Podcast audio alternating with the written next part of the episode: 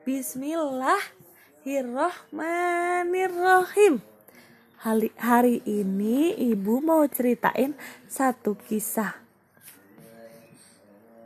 Nah, judulnya Tintan Tak Ingin Seperti Ayah dari penulisnya Rita Agustina. Tintan adalah seekor anak bekantan yang berbulu coklat kemerahan. Ia tinggal bersama ayah dan ibunya di sebuah hutan hutan bakau di Teluk Balikpapan, Kalimantan Timur. Ia pandai melompat dari dahan ke dahan dan mencari makanannya sendiri. Suatu pagi, Titan meringkuk saja di dahannya. Ia tampak murung. Kamu tidak ingin bermain? Tanya ibu. Kora si kera dan Maudi si burung pasti sedang menunggumu di pinggir sungai. Aku sedang sedih, Ibu. Jawab Titan. Apa yang membuatmu sedih? Aku akan jadi jelek bila besar nanti, kata Titan. Kalau akan set kau akan setampan ayahmu, hibur ibu. Tangis Titan pecah seketika. Oh, ibu, aku tidak ingin punya hidung besar seperti ayah. Teman-teman mengolok-olok hidung ayah. Aku ingin hidung seperti punya ibu.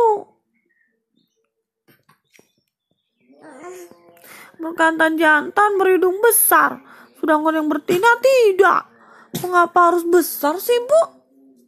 Penciuman ayah tidak tajam, ia malah harus mengangkat hidungnya bila makan. Keluh Titan. Semua yang diciptakan Tuhan pasti ada gunanya, Nak. Kita diciptakan dalam bentuk sebaik-baiknya, kata ibu. Apa yang bisa ibu lakukan supaya kamu tidak sedih? Tintan membayangkan buah bulat hijau yang sedap.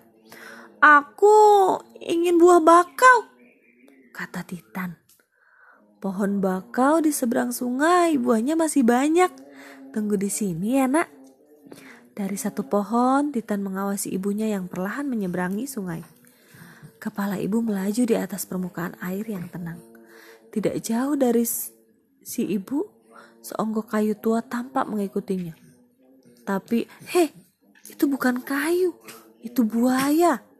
Ibu akan dimakan buaya. Kumam Titan panik.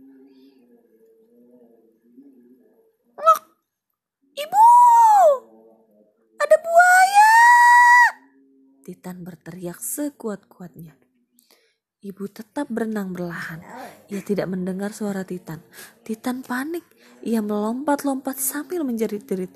Tolong ibuku! Ia ingin terjun ke air! Tolong ibuku! Aku ingin menyelamatkannya tapi aku belum bisa berenang. Seketika Titan mendengar suara keras. Lantang menggema. Bahaya, bahaya. Buaya. Kok, kok, kok, kok. Itu suara ayah. Ibu menoleh ke belakang. Ia bergerak cepat dan segera melompat ke atas akar-akar pohon bakau di dekatnya. Ibu pun selamat dari ancaman buaya. Tintan mendekati ayah. Aku ingin bersuara keras seperti ayah. Hidung jelek ini membuat suara ayah terdengar sampai kejauhan. Ayah menjelaskan. Bekantan jantan harus melindungi kelompoknya. Suaranya harus keras, lantang agar bisa memberi peringatan bahaya.